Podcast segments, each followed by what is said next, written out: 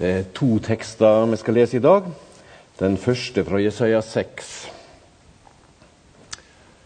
Da hørte jeg Herrens røyst. Han sa, Hvem skal jeg sende, og hvem vil gå for oss? Jeg sa, Jeg, send meg. Han sa, Gå og si til dette folket, det skal høre og høre, men ikke forstå sjå og sjå, men ikke skjøna. Gjør hjertet til dette folket fett.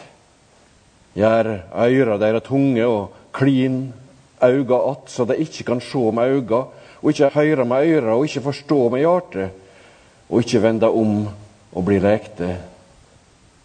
Da sa jeg, Hvor lenge, Herre? Han sa, Til byene ligger gaude, utan folk, og husa er utan menneske og landet ligger ut ei øydemark. Og Herren skal sende mennesket langt bort, ut og forlate skal landet blitt.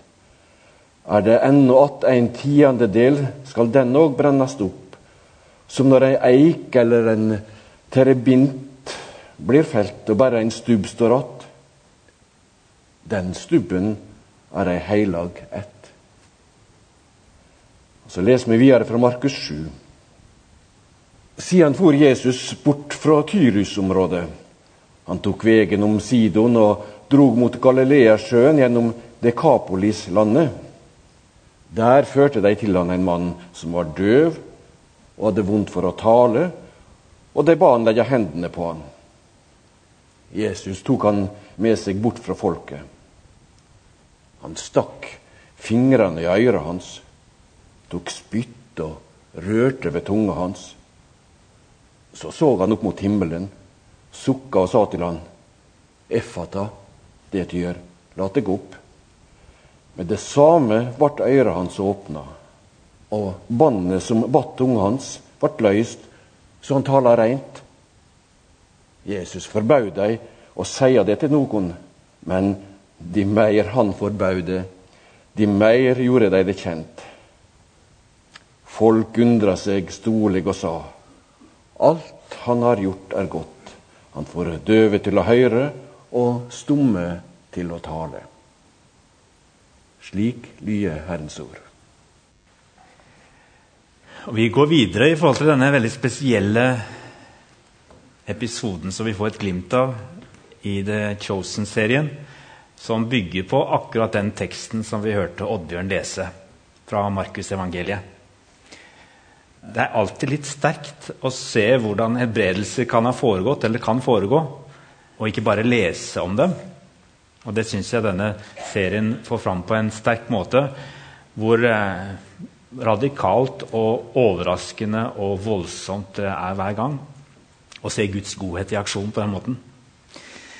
Og så skal jeg ikke gjøre det til en vane at vi liksom skal alltid se kart på gudstjeneste, men vi skal se et lite kart i starten av denne gudstjenesten også. fordi vi hører nevnt et område som i alle fall for meg var litt sånn ukjent. Jeg hadde til studert en stund, jeg hadde ikke tenkt så veldig mye over det der med Dekapolis før jeg og, og kona mi Ellie vi var i Israel på en studietur mens jeg studerte. og Da hadde vi med oss en lærer som kunne gi oss masse kunnskap. og Da var vi inne i disse områdene i nærheten av Galilea i øst. og Da ble det nevnt dette med Dekapolis stadig vekk. og Da skjønte vi at det var, det var noe man liksom måtte forholde seg til også i denne historien, som vi alle er på en måte en del av når vi er kristne.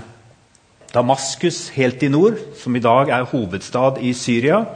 Og Philadelphia helt i sør, som er det samme som Amman, som er hovedstad i Jordan i dag. Og så disse byene innimellom, med Abila da, litt sørøst for det dere ser er Sea of Galilee, altså Galileasjøen. Og Da har dere på en måte et utgangspunkt for å forstå hva de tenker at uh, hvor Jesus befinner seg akkurat når han da går gjennom dette Dekapolis-landskapet på vei til Galileasjøen. Og Det spesielle med dette området her, og som gjør at det er litt sånn vanskelig å unngå å tenke litt referanse til vår egen tid i dag, det er at uh, dette Dekapolis da, det var et forbund av ti bystater som var kommet til i forbindelse med den uh, greske eller romerske feltherren Pompeius sin erobring av området 63 før Kristus. Men noen av disse byene var allerede dannet i den helenistiske okkupasjonsperioden. så da kan dere se for dere at Alle disse ti byene her de er preget av gresk-romersk kultur. Og Det betyr jo ikke at det ikke er jøder der, men det betyr at der var sannsynligvis de med semittisk, altså jødisk kulturell bakgrunn, de var i mindretall i disse byene. I motsetning til f.eks. Jerusalem, hvor det var den jødiske, semittiske kulturen som var dominerende.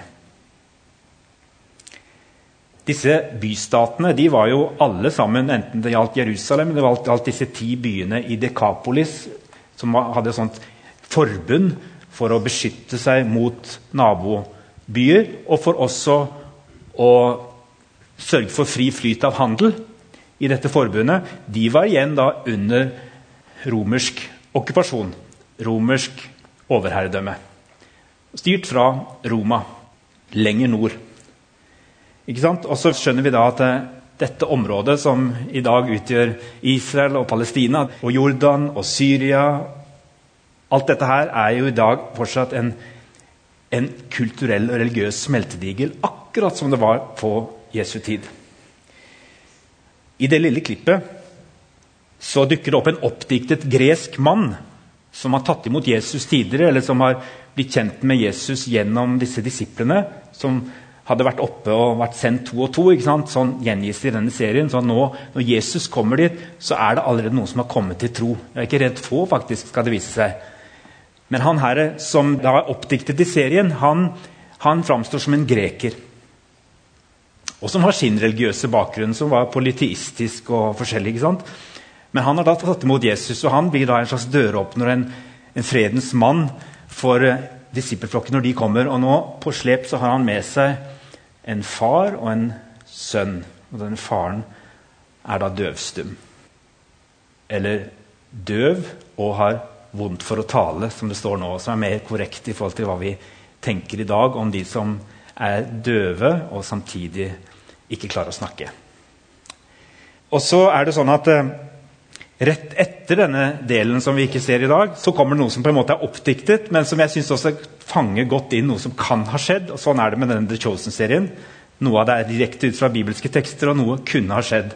Og Rett etter så strømmer da flere grupperinger til, og de avslører denne ulmende konflikten som er der i Abila, nemlig mellom noen jødiske, de som tror på bare én gud, og som har den kulturelle bakgrunnen, og de som tror på greske og helenistiske, og det er fønikere, står det. Og, og, så kommer det en dame inn i bildet med noen menn bak seg, og hun representerer en annen folkegruppe. og Så prøver man her på en måte å sette ord på hva var det som skjedde når disiplene hadde virvlet opp mennesker. Jo, da blir det uro, og litt sånn uten at det var tilsiktet. Så skaper på en måte Jesusbevegelsen eller Jesusbevegelsen utløser polariserende tendenser. Og så sier han er grekeren at uh, det er jo ikke sånn at det er du som har gjort det, Jesus. Dette har ligget og ulmet under overflaten hele tiden. Men det kom fram nå, disse konfliktene som allerede er her mellom oss religiøse. Ja. Det er nesten helt umulig for oss etniske nordmenn helt å forstå hvordan det egentlig er å leve midt i en sånn kulturell og religiøs smeltedigel som Midtøsten har vært i tusener av år. For det er enda sånn at i hvert fall Inntil for bare en generasjon siden så var det nesten bare én etnisk gruppe i Norge. Og vi har i veldig mange hundre år hatt en kristen kultur og en kristen tro som er blitt overført fra generasjon til generasjon.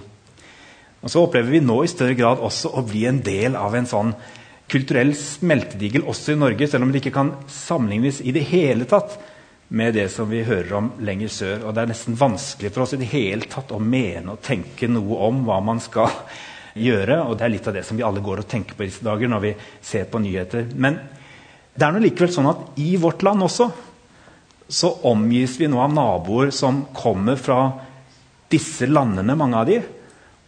Og de også har med seg denne herre erfaringen av å leve side om side med mennesker som representerer en helt annen kultur og en annen religion. Og En av de er her i dag. Saeed, som har vært eh, min gode venn siden 2015. Og Han er en av mange kurdere som har kommet til Norge over mange år.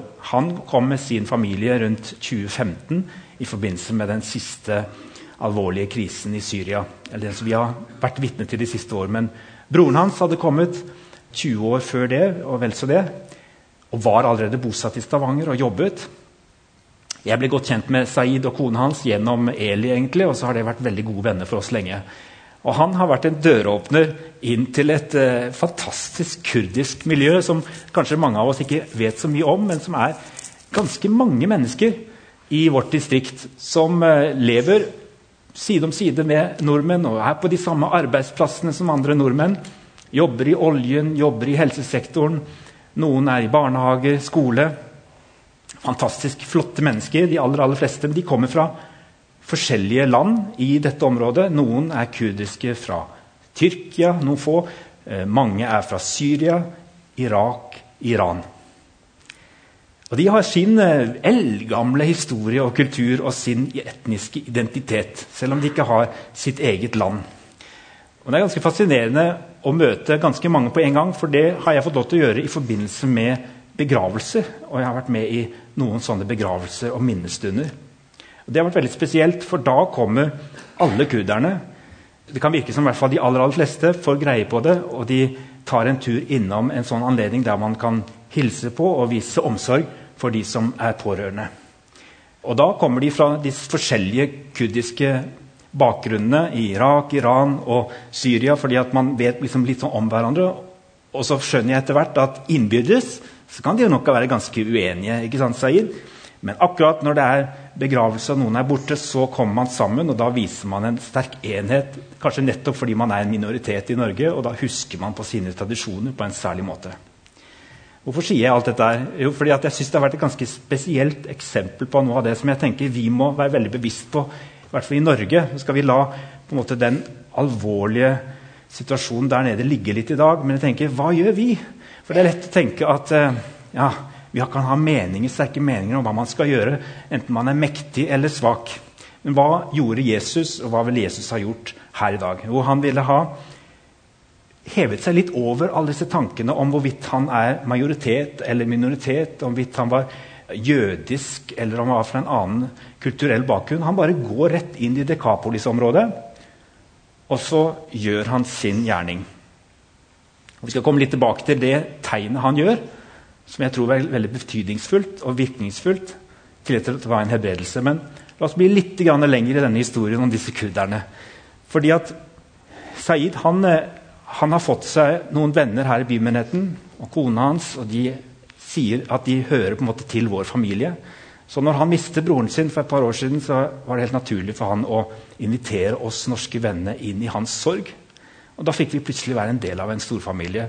Og Da var, vi, var jeg en minoritet inn i disse husmøtene som pågikk over mange dager, der de satt og drakk te og, og trøstet hverandre. Og så er Det jo sånn da, det er ganske interessant at Mennene de sitter for seg, og damene sitter for seg. Men hva var det mennene gjorde? Jo, Man kan ikke snakke om sorgen og det vanskelige hele tiden. så man er ganske flinke til å zoome inn og zoome ut. Og hva gjør man når man ikke snakker om sorgen og det vonde over å ha mistet en bror og en venn altfor tidlig? Jo, da snakker man om politikk. Så Da diskuterte de politikk så fillene føyk.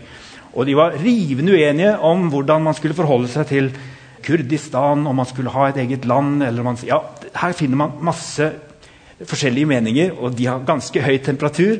Men det er veldig spennende å se hvordan de kan diskutere og de, kan, de uttrykker sin måte å være på midt i vår kultur. Og så er de også veldig fredsommelige og flotte og varme mennesker. Og så er det begravelse. Og da har de bodd såpass lenge disse i Norge at uh, mange av de er blitt oppmerksom på at det er gode tradisjoner også i Norge. Så Den første begravelsen den var, den var en muslimsk begravelse. Den foregikk ute på en gravplass på Soma. Og den ble gjennomført etter muslimske tradisjoner. Og så kom disse mannfolka bort og sa du må si noe du òg, Vidar, for du er venn av familien. Og så var det opp, og så var det å si noen få ord om broren som jeg hadde fått lov til å treffe og bli litt kjent med, og så lyste jeg velsignelsen. Og så skjer det på nytt nå i vår at uh, sorg rammer det kurdiske miljøet. En sønn dør på tragisk vis. Og da opplever jeg på en måte at uh, vi får lov til å ta et lite steg videre. For da, da, var de tydelige på at de ønsket ikke en muslimsk begravelse. Det kunne de godt ha valgt, men dette var en familie som markerte at de, de regnet seg ikke som muslimer, men de regnet seg heller ikke som kristne. Og Da var det først snakk om bare å ha en humanetisk begravelse. Men så hadde de også lyst til å ha med oss vennene fra bymenigheten. Da var faktisk Saeed i Syria, så han var ikke med på dette. Men da var det andre som husket at vi hadde vært med sist. Og så fikk vi lov til å være med inn. Og da var det akkurat som vi fikk lov til å gå et lite steg videre. I forbindelse med markeringene sist gang det var begravelse, så så fortalte vi noen fortellinger fra Nytestamentet. fortalte bl.a. denne fortellingen som Raimond delte i dag, om å bygge huset sitt på fjell. Og Vi kunne knytte an til noen sånne felles fortellinger som ligger i vår kristne kultur, som også er sterke for de å høre på. Vi, bygger vi huset vårt på fjell, eller bygger vi det på sand? Og så ba vi Fader vår sammen på et tidspunkt. Og så kommer de fram fra forskjellige sammenhenger den gangen og sier dette, dette var fint. Dette er greit. Det, dette kunne vi forholde oss til. Det var ikke vanskelig, dette her. Og så nå var det et lite skritt videre. Nå var det at vi fikk ha en begravelse der en av vennene, som også er en god venn av Saeed, holder minnetale og kanskje leser et dikt. Og litt sånn. Og så fikk jeg lov til å holde en liten andakt og lese fra Bibelen og synge en sang med et kristent innhold. Og så, og så oppleve at det var veldig fint, og at de satte pris på det. Hvorfor forteller jeg alt dette her? Jo, fordi jeg tror vi, vi har så utrolige muligheter til å bygge vennskap og til å, å utvide familien vår. Også i vår smeltedigel i Norge. Og der vi tross alt må se at vi er majoritet og definere på veldig mange måter hva folk skal tro og mene og tenke i vår kultur.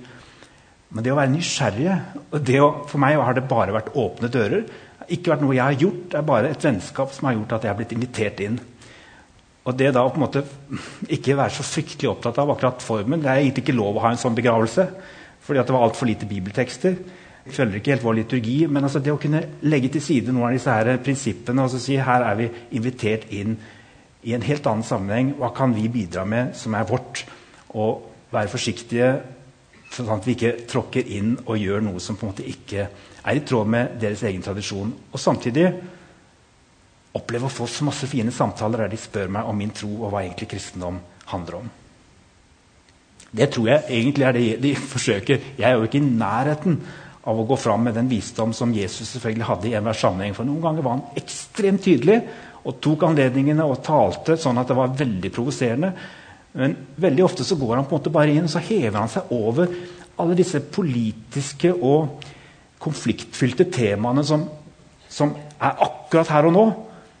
Og så bare snur han alt opp ned og liksom bare sier sånn som han gjør i denne filmsekvensen i neste episode. bare Setter seg ned sammen med disiplene, og disse gruppene står rundt.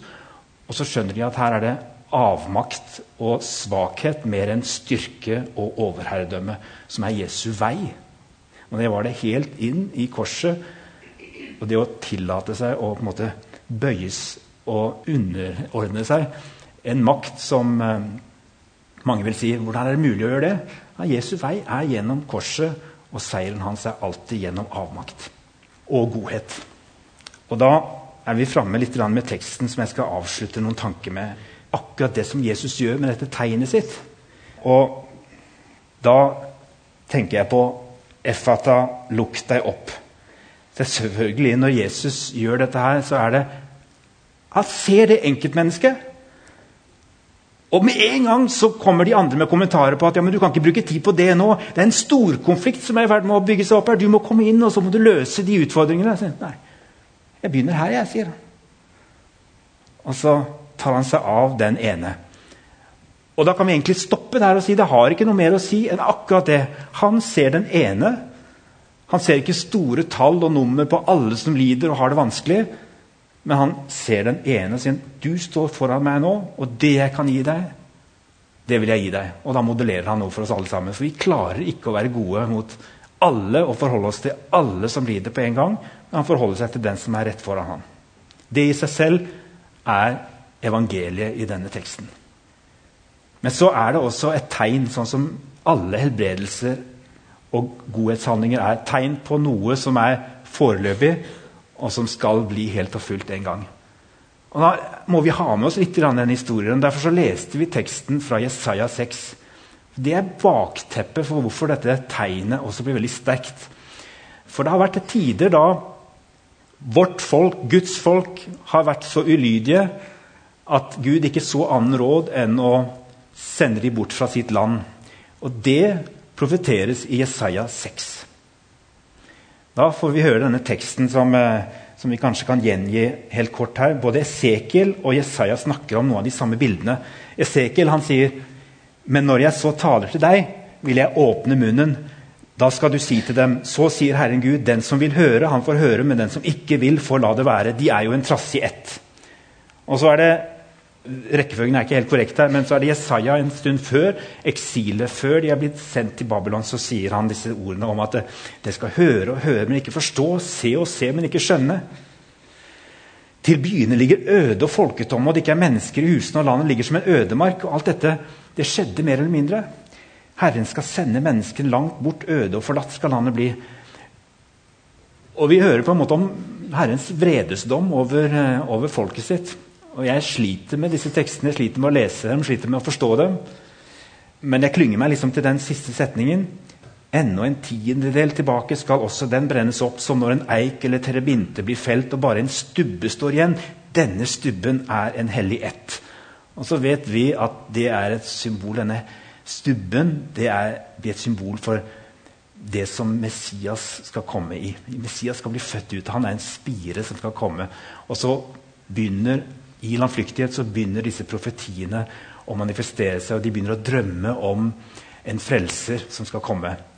I den resten av folket som skal komme tilbake til Jerusalem og tilbake til sitt land. Og så vet vi at Israel har kastet gjennom disse utfordringene gjennom århundrer. Men vi forholder oss til en frelser som er en frelser både for jøder, de som er kristne, og de som enda ikke har kommet til tro, og som representerer andre religioner. For oss så er det én som samler alt dette, alle, fra alle slags folk og religiøse tradisjoner. Det er han som dere ser i denne serien. Det er Jesus Kristus.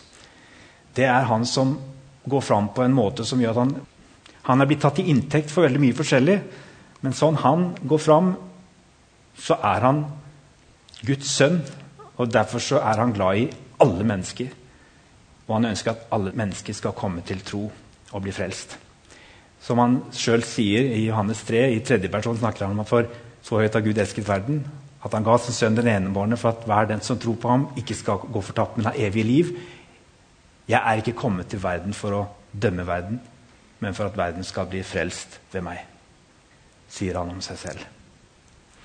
Det er Jesu oppdrag til alle tider. Også når han gjør dette tegnet, når han sier 'Effata, lukk deg opp', så helbreder han ikke bare dette mennesket, men han sier noe om en helt ny tid som er i ferd med å bryte fram. Der kanalen til Gud er åpen igjen, og det skal gå an å høre Guds stemme og se hans gjerninger og oppleve hans frelse her og nå. Og så skal det bryte gjennom helt og fullt. Men Guds rike er allerede på plass. Det er i Dekapolis og bryter gjennom manifestert ved denne her mannen. Det er ikke lenger denne dommen i Jesaja som gjelder. Nå begynner ørene igjen å åpnes, og folk får talens mulighet igjen. Og er det noe døve kan bevitne, så er det at det å være døv, det er å være isolert fra fellesskap. Nå er det nesten ingen som er døve lenger, heldigvis. De fleste de får hjelp. Hvis, hvert fall hvis de er født uten evne til å høre, så, så, får de hjelp til å høre lyder på ulike måter. Der har teknologien hjulpet oss. Men de som har jobbet med døve, som er født døve og som har vanskelig for å tale, de sier at det er enda verre enn å være blind når det gjelder det med fellesskap. For man er isolert fra omgivelsene på en veldig sterk måte. Derfor har det vært best, ofte enklest å lage hjem for døve der de har bodd sammen og har fellesskap med hverandre. Og så har, vi etter hvert lært, har de lært seg å kommunisere ved hjelp av tegn. og andre lærer det, Men opplevelsen av å være isolert fra fellesskap den er der for veldig mange døve. Vi har egne kirker for døve i Norge fortsatt, for det er vanskelig for de å være til stede i vårt rom, i våre fellesskap. De trenger det fellesskapet som de døve kan gi dem, de som kan tegnspråket. Et veldig sterkt uttrykk også for hva Jesus gjør her. Han breder jo ikke alle døve, heller ikke i vår tid. Men det er et tegn på at fellesskapet gjenopprettes. Alle skal få lov til å være med inn. Alle skal få være med i denne familien der man kan høre Gud tale, og der vi kan kommunisere med hverandre. På tvers av ulike religiøse og kulturelle bakgrunner. Det er Jesus som er svaret. Og så sier Paulus i 2. Korinterbrev kapittel 6.: Som hans medarbeidere oppfordrer vi dere til ikke å ta imot Guds nåde forgjeves. For han sier, 'Jeg bønnhørte deg i rette tid og hjalp deg på frelsens dag.' Se, nå er den rette tid. Nå er frelsens dag. Denne frelsens dag det er et uttrykk for den tidsalder som vi lever i. Fra Jesus kom, fra han døde og sto opp igjen, og fram til han kommer igjen. Det er frelsens dag. Det er frelsens tidsalder.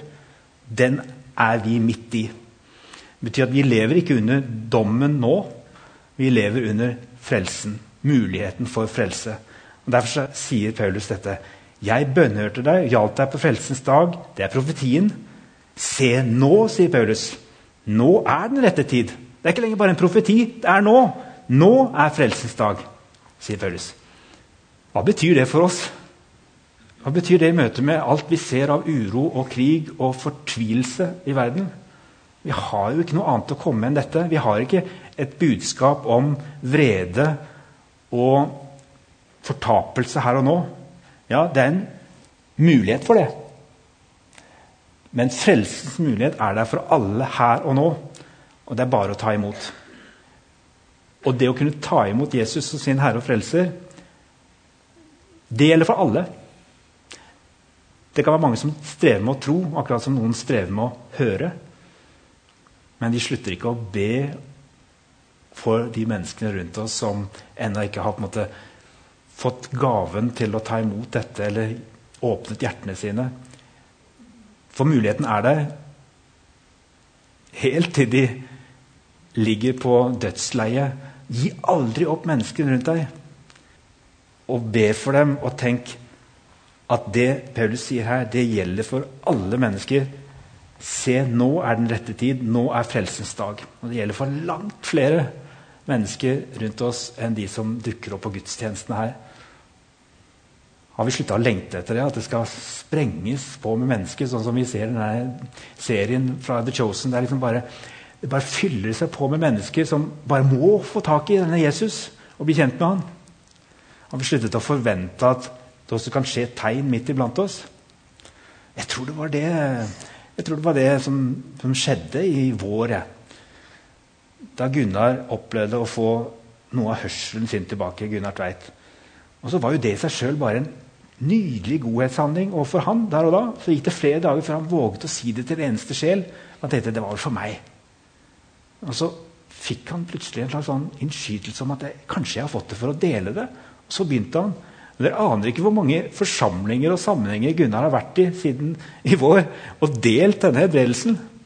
For Det ble nemlig ikke gitt noen sånn beskjed til han sånn som ble gitt til han her i denne serien om at han ikke skulle fortelle til noen. For nå er frelsens dag. Nå er timen her, sier Jesus. Nå kan dere få dele det som jeg gjør med dere, som tegn. På dette tidspunktet her så var ikke timen kommet. Jesus sa vær litt forsiktig med å spre dette. For det, det skal skje en del ting før evangeliet skal bryte gjennom til alle. Men nå er det ingen grunn til å holde skjult det Gud gjør iblant oss. Og det skjønte Gunnar Tveit, og derfor reiser han nå land og strand rundt eh, fantastisk, og deler det lille vitnesbyrdet sitt om at han fikk noe av hørselen sin tilbake, og at han tror det ikke var bare for hans egen del, men det var et tegn på at Gud er midt iblant oss, og at han lever. Jeg ønsker at vi skal se flere sånne tegn, sånn at uh, vekkelsen kan bryte ut. Og det kommer til å skje Midt i en verden som er ufullkommen, helt til Jesus kommer igjen helt og fullt, så kommer det til å skje midt i en verden som er ufullkommen, der det er krig, der det er konflikt. Men vi skal peke på de tegnene som tyder på at Jesus er på ferde, og at frelsens dag er her. Og Da vil jeg avslutte med å lese fortsettelsen av 2. Korinterbrev 6, vers 3 og utover. Der står det Vi gir ikke mennesker noen grunn til å bli støtt bort, så tjenesten ikke skal bli spottet. Nei, vi viser oss som Guds tjenere på alle måter. Med stor tålmodighet i motgang, nød og angst. Under mishandling, i fengsel og i opptøyer. I hardt arbeid, i nattevåk og sult. Vi går fram med redelighet og visdom. med tålmodighet og godhet, i Den hellige ånd, med oppriktig kjærlighet, med sannhetsord og i Guds kraft, med rettferdsvåpen i høyre og venstre hånd, i ære og vanære, baktalt og hedret. De sier vi leder folk vil, men vi taler sant. Vi er miskjent, men likevel anerkjent. Vi er døende, men se, vi lever. Vi blir slått, men ikke slått i hjel. Vi sørger, men er alltid glade. Vi er fattige, men gjør mange rike. Vi har ingenting, men eier alt. Amen.